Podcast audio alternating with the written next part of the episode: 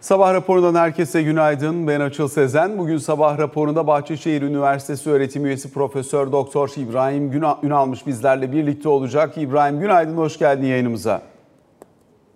Günaydın Açıl, hoş Şimdi özellikle dünyada bugün itibariyle önemli gelişme hiç kuşku yok ki Amerika'dan gelecek olan e, enflasyon rakamları. Dolayısıyla piyasa biraz daha buraya odaklanmış durumda. Fed'in faiz artırımlarına devam edip etmeyeceği yönündeki soru işaretleri devam ediyor. Dolayısıyla doların kuvveti açısından, Amerikan faiz hadlerinin bundan sonraki seyri açısından burası önemli ve belirleyici olacak. Diğer taraftan yine Asya tarafına dönüp baktığımız zaman Çin kaynaklı endişelerin oranın yeniden deflasyona doğru sürüklenip sürüklenmeyeceğine dair kaygıların biraz daha ön plana çıkmaya başladığını gözlemliyoruz. Gayrimenkul piyasası üzerinden bir destekleme çabası var. Ancak bu ne kadar yeterli olacak? Biraz buralara bakmaya çalışacağız.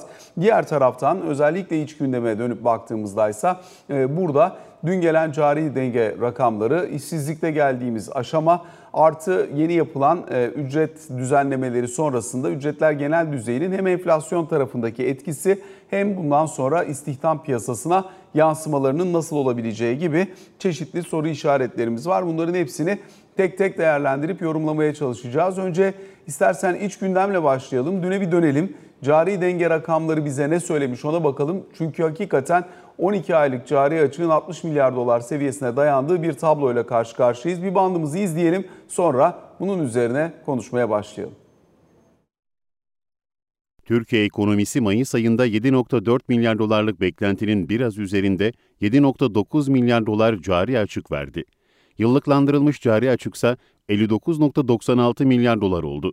Mayıs ayında altın ve enerji hariç cari işlemler hesabı ise 1 milyar 283 milyon dolar açık verdi.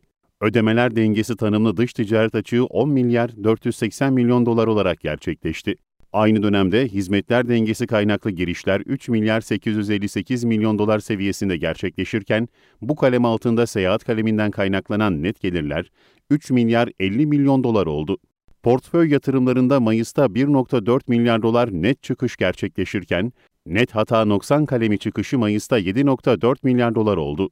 Alt kalemler itibarıyla incelendiğinde Mayıs ayında yurt dışı yerleşiklerin hisse senedi piyasasında ve devlet iç borçlanma senetleri piyasasında sırasıyla 630 milyon dolar ve 90 milyon dolar net satış yaptığı görüldü.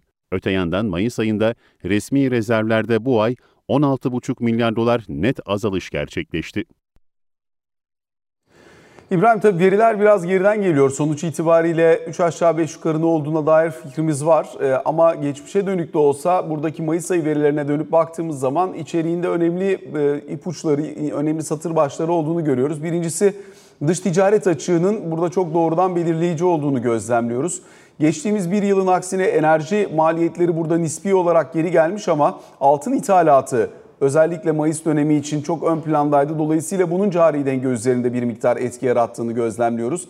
Sermaye çıkışları devam ediyor. O devam eden sermaye çıkışlarını fonlamak için de Merkez Bankası'nın kaynaklarını doğrudan kullandığını gözlemliyoruz. Dolayısıyla net rezerv rakamları üzerindeki etkiyi zaten analitik bilanço üzerinden 3 aşağı 5 yukarı görüyorduk. Şimdi ödemeler dengesi bilançosunun içerisinde de net bir şekilde karşımıza çıkıyor.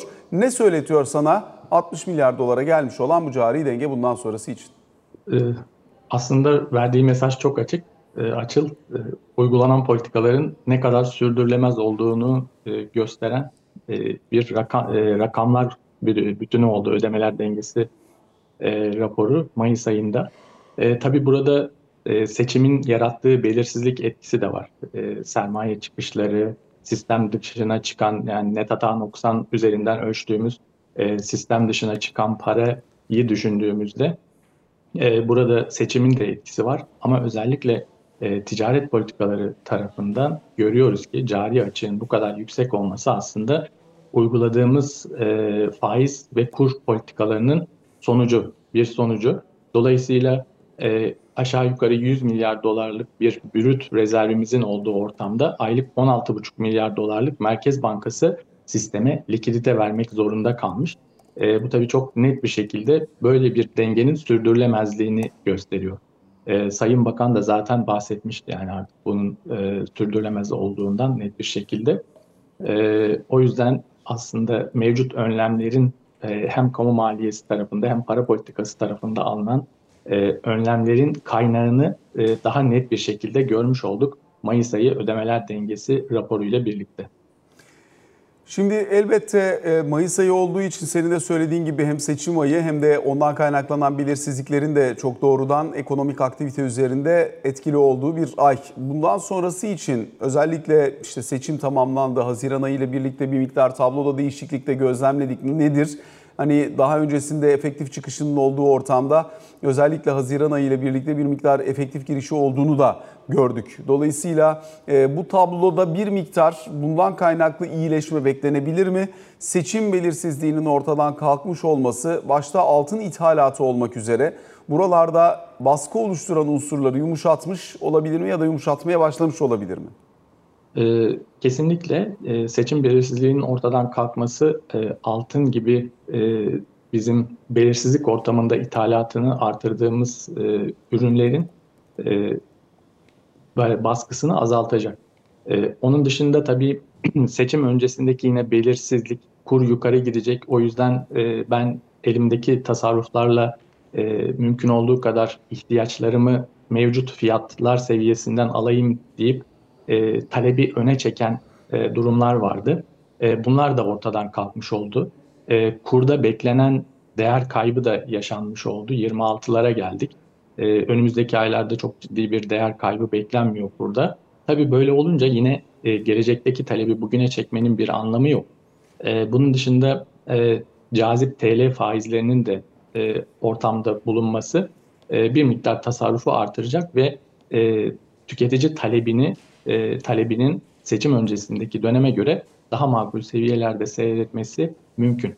Ama diğer taraftan e, ücretlere yapılan zamlar e, muhakkak tüket talep tarafında e, bir canlanmaya neden olacak. Kamu harcamaları artıyor.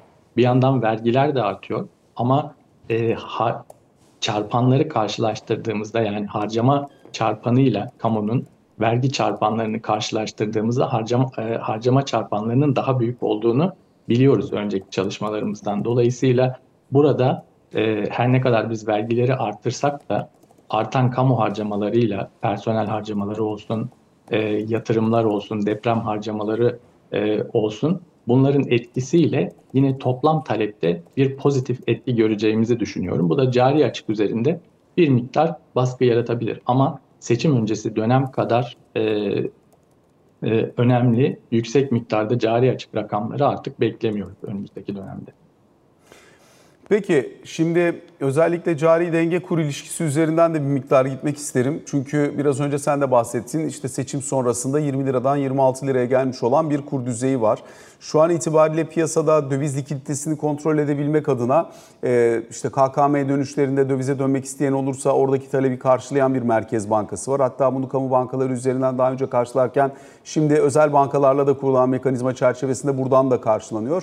Kur net netle çok bir yere gitmiyor. E, merkez Bankası'nın da doğrudan bir rezerv ya da kur kontrolü politikası gütmeyeceği bundan sonrası için net şekilde açıklandığından dolayı e, bu tabloyu ve kurdaki nispi stabilizasyonu nasıl açıklarsın? Şu anda hem turizm geliri nedeniyle hem belli oranda zaten ihracatçı gelirinin e, Türkiye'de Merkez Bankası'nda satılması yükümlülüğünden dolayı bir Merkez Bankası'nda e, döviz birikimi söz konusu olduğu gibi görünüyor. Zaten net rezervlerde de Maliye Bakanı'nın da söylediği gibi e, artış söz konusu piyasaya satış olmadığı için. E, dolayısıyla hani kur stabilizasyonu sağlanmış olabilir mi bundan sonrası için? Ya da arz talep dengesini değiştirebilecek risk olarak ne var elimizde? Şimdi şöyle seçimden önce de aslında konuşuyorduk. Bireylerin e, pozisyonlarına, döviz pozisyonlarına baktığımızda e, önemli miktarda artıda olduğunu biliyoruz. E, şirketlerin kısa döviz pozisyonlarının artıda olduğunu biliyoruz. Dolayısıyla belirsizliğin ortadan kalktığı bir ortamda ekstra döviz talebi yaratacak aslında bir ortam kalmadı. Onun dışında cari işlemler tarafında da beklentiler normalleşince ve bunun üzerine yine senin de bahsettiğin gibi e, turizm sezonunda döviz girişi artınca ve e, Borsa İstanbul tarafına da e, yatırım, yabancı yatırımcının geldiğini biliyoruz son dönemde. Bunların hepsini bir araya getirdiğimizde aslında döviz piyasasında gerçekten bir dengelenme olduğunu rahatlıkla söyleyebiliriz. önümüzdeki birkaç ay içerisinde de döviz piyasasındaki dengelenme e, sürecek diye düşünüyorum ben. Özellikle turizm sezonundaki e, döviz girişleriyle birlikte döviz piyasası gayet makul bir e, dengede önümüzdeki dönemde devam edecek. Bunun dışında tabii KKM e, dönüşlerinden sonra TL'de kalmayı özendirici çeşitli adımlar da atılıyor. E, bu adımlar da önemli. E, mevduat sahiplerinin TL'de kalması ki hala önümüzdeki dönem için TL'de kalmak cazip görünüyor mevcut e, fiyatlamalarla. E, bu da TL üzerinde e, ki baskıyı azaltmış durumda. O yüzden ben önümüzdeki dönemde e, dolar e, TL kuru üzerinde ciddi bir baskı göreceğimizi düşünmüyorum. Peki İbrahim e, bu noktada e, bundan sonrası için ayın 20'sinde önümüzdeki hafta itibariyle bir e, para politikası kurulu toplantısı daha var. Sonuçta piyasa ilk faiz artırımı beklentisinin altında kalmış olmasına rağmen çok ekstra bir reaksiyon göstermedi. Patikaya ve yöntemin yavaş yavaş da olsa faiz artırımına fiyatın doğru yere geleceğine doğru beklentisini biraz daha önceliklendirmiş oldu. Bu toplantıda ne beklersini bir parça tartışmak istiyorum. Zira özellikle burada politika faizi önemli belirleyicilerden bir tanesi e, niyet, anlayış değişikliği ortaya konulduğu için ilk turda e, hani yüklü olmasına rağmen 8,5-15 artırımı piyasa daha yüksekte beklediği için bir tartışma yarattı ama bundan sonraki hamlenin bunun altında olmasını bekleyenler çoğunlukta yani o büyüklükte değil ama daha altında bir hamleyle e, artış olmasını bekleyenler çoğunlukla ne dersin? Ee, şöyle Şimdi e, merkez bankacı gibi düşünelim e, kendimizi. E, mevcut durumdaki sorunlardan bir tanesi e, kamu maliyesi ve kamu maliyesi tarafındaki açık ve bunun finansmanı sorunu. E, buna aslında mali baskınlık diyoruz.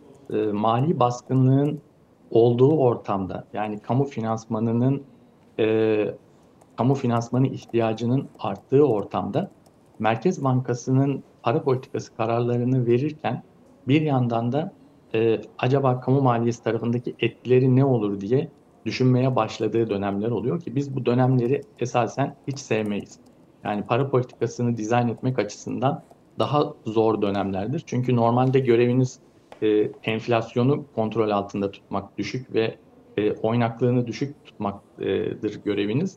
Ama diğer taraftan da kamu maliyesindeki gelişmeleri göz ardı edemezsiniz.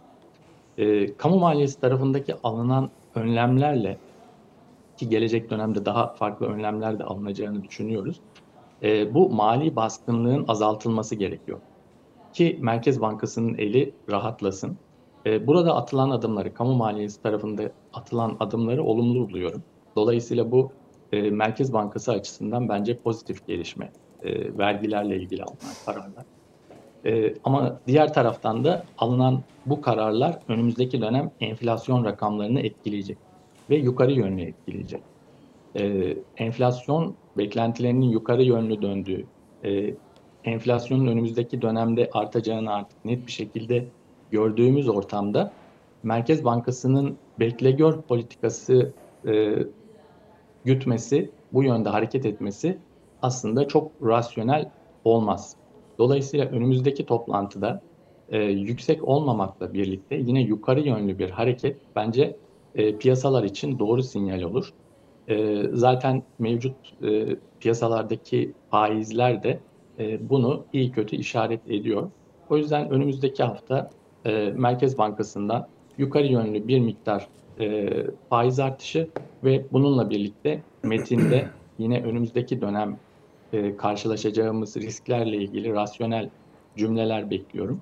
E, ve yine o gerekirse faiz artışı yapabiliriz ya da gerekli önlemleri alabiliriz. Makro ihtiyati politikalarımız e, mevcut hali hazırda.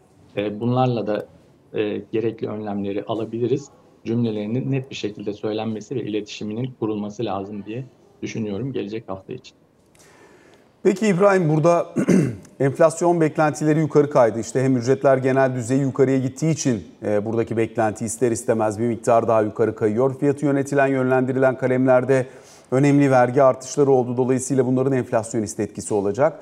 Ayrıca şu an itibariyle ekonomide ciddi bir soğuma, ciddi bir daralma görünmüyor. Kredi piyasası evet nispi olarak işlevsiz hale geldi ticari bacakta. Bireysel kredilerde bir parça bir parça geri çekilme söz konusu. Ama çok doğrudan ve etkin bir soğuma ücret artışları kompanse edildiği için e, görünmüyor gibi duruyor. Dolayısıyla bu ortamda faizde ben 15'te başlarım, kademe kademe devam ederek bir yere varırım. Daha sonrasında da orası enflasyonda beklenen noktaya yakınsadığı yerde bu para politikasını daha etkin şekilde kullanabilirim. Normalde buradaki bu planlama anladığımız kadarıyla böyleydi. Şimdi bundan sonra enflasyon beklentileri daha yukarı kayacaksa o zaman daha fazlasını yapmak durumunda bırakabilir mi ekonomi yönetimini? Ee, bunu tabii biraz bekleyip görmek lazım. Yani bir yandan kamu maliyesi tarafındaki e, ayarlamalarla e, yukarı doğru giden bir e, fiyatlar genel seviyesi göreceğiz. Onun dışında e, kurun 20'den 26'ya gitmesiyle birlikte e, yine muhakkak bir e, kur şoku e, ortaya çıktı. Bunun eskisine göre daha hızlı fiyatlara yansıdığını biliyoruz ve daha yüksek oranda fiyatlara yansıdığını biliyoruz. Bu iki etki e, önümüzdeki dönemde piyasayı domine edecek. E, burada e, oluşan etkiyle Merkez Bankası'nın ihtiyaç duyacağı e, denge faizde bir artış olabilir mi? E, evet artış olabilir ama önemli olan bence burada e, beklentileri doğru şekilde kontrol etmek ve beklentileri yönlendirebilmek. E, bu bahsettiğimiz e, şoklar aslında geçici şoklar. Yani bir seferlik kamu maliyesi tarafında e, vergi artışları yaptık. Bunlar fiyatlar üzerinde yukarı yönlü bir seferlik yukarı bir etki yarattı. E, kur şokunun yine yukarı yönlü bir seferlik etkisi olacak. E, burada önemli olan bunların ikincil etkilerini kontrol edebilmek. Bunu yapabilmenin yolu da e, beklentileri kontrol etmekten geçiyor. Eğer biz önümüzdeki dönem için enflasyon konusunda gerekli adımları atacağız e, deyip buna da piyasaları ve diğer ekonomik birimleri inandırırsak e, ikincil etkilerini çok makul seviyelerde tutabiliriz. O zaman Merkez Bankası'nın denge reel faiz konusundaki eli çok daha rahat olur. Çok yukarılara gitmez. Belki birkaç puan yukarı gider ama e, bu ekonom bunun ekonomik etkileri e, çok negatif yönde yüksek olmaz. E, o yüzden burada temel konu gerçekten iletişim. İletişim çok önemli ve e, beklentilerin, önümüzdeki döneme ilişkin beklentilerin yönetilmesi ve yönlendirilmesi. E, bu konuda da hem Merkez Bankası Başkanı'na hem de e, ekonomi yönetimine önemli bir e, görev düşüyor diye e, düşünmekteyim. Yine e, önemli konulardan bir tanesi Türk lirasının durduğu yer. Yani özellikle politika faizi işte 15'te nereye gideceğine bakacağız. Fakat mevduat faizlerinde biz 40'ların üzerine doğru gittiğimizi net bir şekilde görmüştük. Son bir haftadır birkaç gün hariç, son 1-2 gün hariç e, burada mevduat faizlerinde ciddi bir geri çekilme de gördük. Bankaların dönüşüm oranlarına ilişkin yapılmış olan düzenlemenin ardından e, oradaki rahatlatıcılığın yansımasını bir şekilde mevduat faizlerinde gerileme olarak gözlemledik. Dolayısıyla aslında önemli faktörlerden bir tanesi enflasyon kabaca 35-40'lar arasında bekleniyordu. Dolayısıyla bu noktada işte 40'ların biraz üzerindeki bir TL mevduat faizi buradaki eksiği açığı önemli ölçüde kapatıyordu. Şimdi eğer mevduat faizlerinde dönüşüm oranlarındaki rahatlama sonrasında biraz daha geri çekilme söz konusu olacaksa beklenen enflasyonla aradaki makas yatırımcı tercihi üzerine nasıl rol oynayabilir? Biraz da buna bakalım. Ee, evet yani mevduat faizlerinin geçtiğimiz bir ay içerisinde yani seçime yaklaştığımız dönem ve biraz sonrasındaki dönemde e, çok yüksek mevduat faizleri e, işittik. Bunun temel sebeplerinden bir tanesi bankaların e, TL'ye dönüş e, hedefleri idi. E, burada yaratılan rekabet ortamı yüksek yüksek TL faizlerine neden olmuştu. Şimdi burada bir makulleşme görüyoruz. Ben bunu da olumlu karşılıyorum. Bu peki artan enflasyon ortamında tasarruf sahiplerinin tercihlerini değiştirir mi? E, çok fazla değiştirmez diye düşünüyorum ben. Çünkü e, Türkiye'de tasarruflar e, dolar ve TL arasında ve TL ile diğer TL yatırım araçları arasında aslında e, tercihler yapılıyor. E, dolar TL arasında baktığımızda önümüzdeki dönemde dolara ilişkin en azından 3 aylık vadede e, dolara ilişkin ciddi bir artış beklentisi olmadığını düşünüyorum. Dolayısıyla bu yönden baktığınızda TL hala cazip. E, peki alternatif TL yatırım araçlarında durum nasıl diye baktığımızda burada alternatif e, birinci alternatif e, borsa olsa gerek. Yani biraz daha riskli bir yatırım aracına yönelirim e, diyen tasarruf sahipleri e, borsada yatırım yapabilirler. Buradaki beklentiler de genel olarak piyasaya baktığımızda hem e, yurt içi ekonomik gelişmelere baktığımızda alınan önlemlerin yarattığı pozitif algı, diğer taraftan dış politikadaki gelişmeler e, yine pozitif bir algı yaratıyor. Özellikle yabancı sermaye girişini destekleyecek e, e, gelişmelerin yaşanması yine TL pozitif bir ortam olduğunu gösteriyor önümüzdeki dönemde. O yüzden e, TL mevduatı cazip bulmayan tasarruf sahiplerinin alternatif yatırım araçları olduğunu düşünüyorum. E, ve bunlara yönelebileceğini düşünüyorum. Yani önümüzdeki dönemde e, TL'den dolara ciddi bir kaçış olma ihtimali en azından 3 aylık periyotta e, sonbahara kadar e, ciddi bir TL'den dolara kaçış hareketi olacağını tahmin etmiyorum açıkçası. Açık. İbrahim müsaadenle kısa bir araya gidelim şimdi. Aranın ardından sohbetimize kaldığımız yerden devam edelim.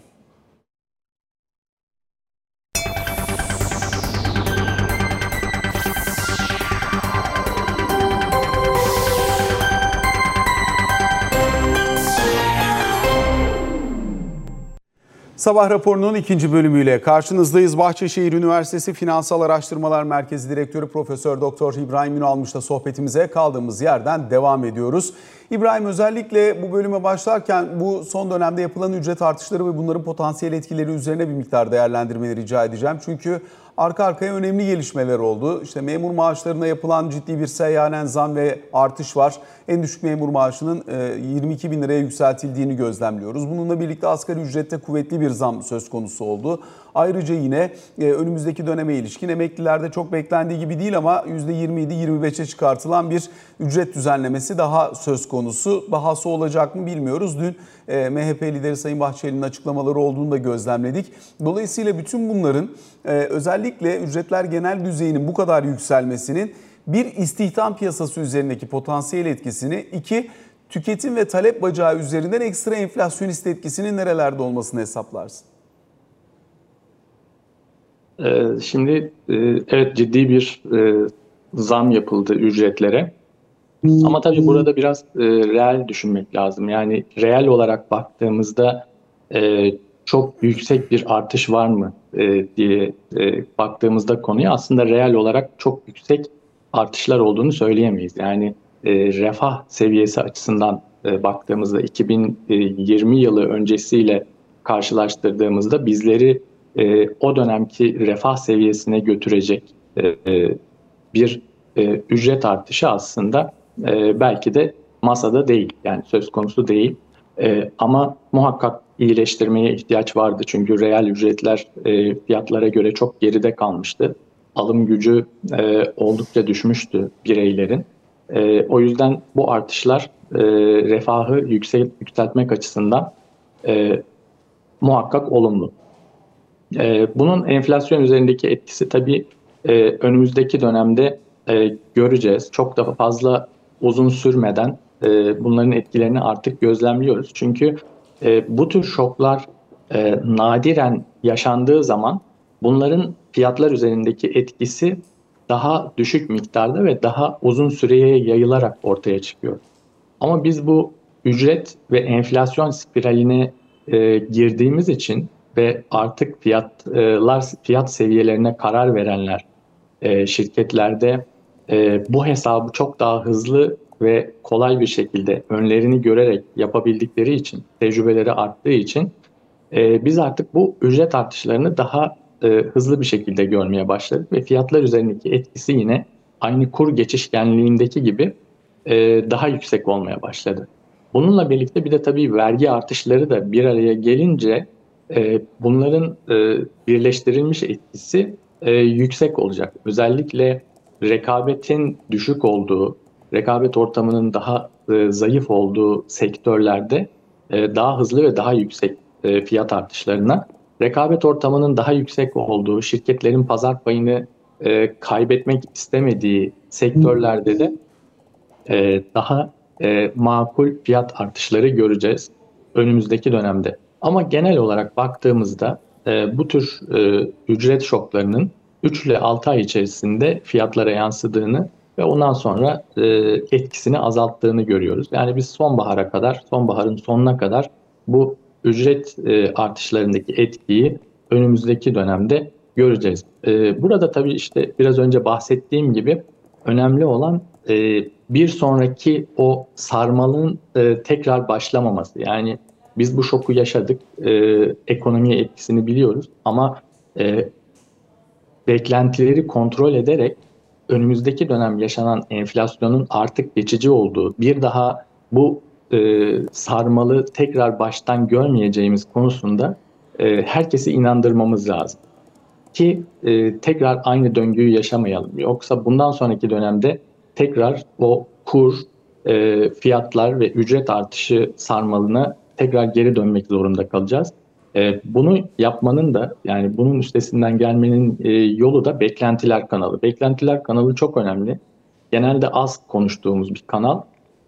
E, maliyet enflasyonunu çok konuşuyoruz ama beklentiler kanalını e, nispeten az konuşuyoruz. Oysa gelecek döneme ilişkin beklentilerimiz bugünkü fiyatları doğrudan etkiliyor. E, o yüzden e, hem ücretlerde olsun hem kira gibi hem kontratlarla yapılan vadeli işlemler e, tarafında da vadeli alım satım yapılan her yerde beklenen enflasyon aslında e, bugünkü fiyatları etkiliyor. O yüzden e, beklenti tarafını kontrol etmek çok önemli. Ücret zamları yapıldı. Bunun bir enflasyonist etkisi olacak. Vergileri artırdık. Bunların bir enflasyonist etkisi olacak önümüzdeki dönemde. Biz bu enflasyonist etkilerin 3 ile 6 ay içerisinde sönümlenmesini bekliyoruz. Ve bundan sonra da hem sıkı para politikasıyla hem e, disiplinli bir kamu maliyesi politikasıyla yolumuza devam edeceğiz e, deyip bunlara ek olarak yine fiyat artışlarına neden olan yani dünyada gıda fiyatları düşerken bizde gıda enflasyonunun bu kadar yüksek olmasının nedeni yapısal bazı problemlerse bunların da üzerine gittiğimiz bir programın ortaya konması lazım. E, mevcut durumda böyle bir program yok. Yani bu enflasyon beklentilerini yine çıpalayacak, bir çıpa yaratacak mekanizma yaratmamız lazım. Bu mekanizmada e, daha e, kapsamlı bir program, e, işin içinde yapısal reformların da olduğu, e, aynı zamanda bu reformların belki dış politikayla da desteklendiği bir ortamdan bahsediyorum. Böyle bir ortam yarattığımızda ki bu ortam aslında bizim 2003 sonrasında yarattığımız e, ortamla benzeşecek diye düşünüyorum. Böyle bir ortam yaratabilirsek biz bu sarmaldan kurtuluruz. E, aksi takdirde bu sarmaldan kurtulmanın gerçekten e, başka bir yolu yok. Yani iktisat yazınında bunun başka bir yolu yok. E, bu sarmalı durdurmamız lazım. Bunun için de kapsamlı bir politika, yine e, dış politikadaki e, dış politikanın da desteğiyle e, oluşacak bir yapı e, önümüzdeki dönemde bizi rahatlatır. E, diğer türlü bu sarmaldan çıkış için pek bir yol göremiyorum açıkçası. İki tane sorun var. Bunlardan bir tanesi özellikle yine Hazine ve Maliye Bakanı Mehmet Şimşek'in vermiş olduğu mali disiplin mesajı. Uzunca bir süre boyunca sadece harcama bacağında gördük devleti. Şimdi o harcamaların finansmanı tarafında da salınan vergilerle birlikte bir hamle oluştuğunu gözlemliyoruz. Ee, bundan sonrası için bir harcamaların bu şekilde devam etmesini bekler misin? İki, gelirler bacağı buradaki e, harcamaların ne kadarını ve ne şekilde finanse edebilir? Bu yine dikkate değer bir diğer soru olarak karşımıza çıkıyor. Ee, şimdi açıl yaptığımız hesaplara göre yeni uygulanmaya konulan vergi paketiyle birlikte yani bunun yaratacağı e, finansal getiri ancak ücretlere yapılan zammı karşılayabiliyor. E, dolayısıyla bunun dışındaki e, oluşacak ekstra harcamalar, deprem e, bölgesi için yapılan harcamalar, SGK prim ödemelerindeki artışlar e, ve diğer kamunun yapabileceği e, yatırımla ilgili artışlar e, ekstra yine bir vergi paketine e, neden olacak. Tabii bunun bunların tamamının e, yine vergilerle karşılanacağını düşünmüyoruz. E, o yüzden borçlanma limiti artırıldı diye düşünüyoruz. E, bildiğin gibi borçlanma limiti 2.1 trilyon TL'ye yükseltildi hazinenin. E, dolayısıyla e, mevcut durumda alınan önlemler e, gelecek harcamalar için yeterli değil. E, özellikle ÖTV tarafında yeni ayarlamaların olabileceğini düşünüyoruz. Buna ek olarak e, da buna ek olarak da e, yine hazinenin önümüzdeki dönemde bir miktar daha borçlanacağını, daha fazla borçlanacağını tahmin ediyoruz. Buradaki tabii kısıtlardan bir tanesi yerel seçimler. Yani çok fazla bir zaman kalmadı Mart'taki yerel seçimlere. Önümüzde böyle bir siyasi konjonktürün olduğu ortamda harcamalar tarafında çok büyük kısıntıları beklemek çok rasyonel değil. Dolayısıyla seçimlerin sonrasına kadar e, kamu maliyesinde e, makul bir disiplini sağlayıp e, seçimleri atlatmak muhtemelen mevcut ekonomi yönetiminin ilk e, görevlerinden e, düşündüğü konulardan bir tanesi. E, muhtemelen seçimler sonrasında yani yerel seçimler sonrasında e, kamu maliyesi tarafında daha e, bütçe açıklarını milli gelirin yüzde birine doğru yüzde birine doğru çekecek bir e, önlem paketi düşünülecek. Çünkü e, Türkiye'nin geçmiş 20 yıllık tecrübesine baktığımızda e, mevcut bütçe açıkları kadar bütçe açığını ancak küresel kriz zamanında ve pandemi döneminde görüyor. Onun dön- onun dışında Türkiye'nin kamu maliyesi açıkları milli geliri oranla yüzde bir civarında dalgalanmaktaydı ki bu Türkiye için Türkiye ekonomisi için önemli çıpalardan bir tanesiydi. Ee, hem borç stoğumuzu daha düşük seviyede tuttuk bunun sayesinde hem de beklentileri olumlu yönde etkiledi. Yani o biraz önce bahsettiğimiz mali baskınlık konusunu biz geçtiğimiz 20 yılda hiç konuşmadık dikkat edersen. Ee, ama geldiğimiz noktada şimdi o mali baskınlık konusu tekrar e, masamızda e, e, görüyoruz. E, bunun için de önlemler alındığını görüyoruz. E, ama bu önlemler yeterli mi? Mevcut durumda bu önlemler yeterli değil. E, önümüzdeki dönem harcamalar için muhakkak e, bir miktar daha ÖTV tarafında ayarlamalar olabilir. Dediğim gibi e, ve e, bu artırılan borçlanma limitine bağlı olarak da e, hazinenin e, piyasalardan daha fazla borçlanacağını düşünüyorum ben. İbrahim son sorum kısaca yanıtını rica edeceğim. Özellikle e, Birleşik Arap Emirlikleri ile sıkı ilişkiler var. Cumhurbaşkanının e, oradaki temasları var. Hazine Maliye Bakanı'nın temasları var. Şimdi Suudi Arabistan'la ekonomi yönetimi arasında bir görüşme olacağı anlaşılıyor. Dolayısıyla dış kaynak temini çerçevesinde oluşan bu tabloyu nasıl görür, nasıl değerlendirirsin? Bir de özellikle cari denge rakamlarında da e, önümüzdeki ay bir miktar daha net görebiliriz belki ama sonuçta burada Merkez Bankası'nın rezervinin artışı aşamasında e, bir miktar mevduat girişi olduğu anlaşılıyor. Mevduat ya da swap kanalıyla bir giriş olduğu da anlaşılıyor. Bunun net olarak nereden geldiğini biz görmüyoruz ama buna dair bir bilgi ya da buna dair bir e, bakış açın var mı? E, açıkçası bu artışların kaynağını bilmiyoruz gerçekten. E, ama bir artış olduğunu görebiliyoruz. E, diğer taraftan yani uygulanan politikalar geçtiğimiz e, 3-4 yıldır uygulanan politikaların temel amaçlarından bir tanesi e, Türkiye ekonomisinin sürekli ihtiyaç duyduğu yani sürekli bir cari açık problemimiz vardı ve sürekli bu cari açık e, açığı e, kısa vadeli fonlar ile e, nasıl yönetiriz e, problemiyle karşı karşıyaydık. E, gelen bu sıcak parada sürekli bir e, dalgalanma yaratıyordu piyasalarda ve e, bunu aşmak istedi ekonomi yönetimi. E, fakat geldiğimiz noktada e, yapısal reformlar olmadan e, bunu aşabilmenin mümkün olmadığını gördük. Ama yine e, buradaki tercihleri ben e, şuna bağlıyorum. Hala biz e, kısa vadeli fon istemiyoruz. Kısa vadeli yabancı yatırımcı pek istemiyoruz e, piyasalarda. Daha uzun vadeli doğrudan yabancı yatırımcı e, çekme konusunda bir tercih var.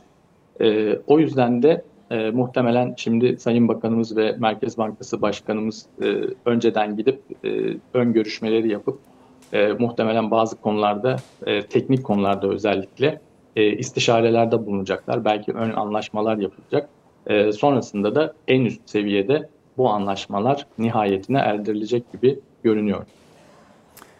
Profesör Doktor İbrahim Ünalmış çok teşekkür ediyoruz sana aktardığım bu yorumlar için, bu sabahki değerlendirmelerin için ve sabah raporuna böylelikle bugün için son noktayı koymuş oluyoruz. Hoşçakalın.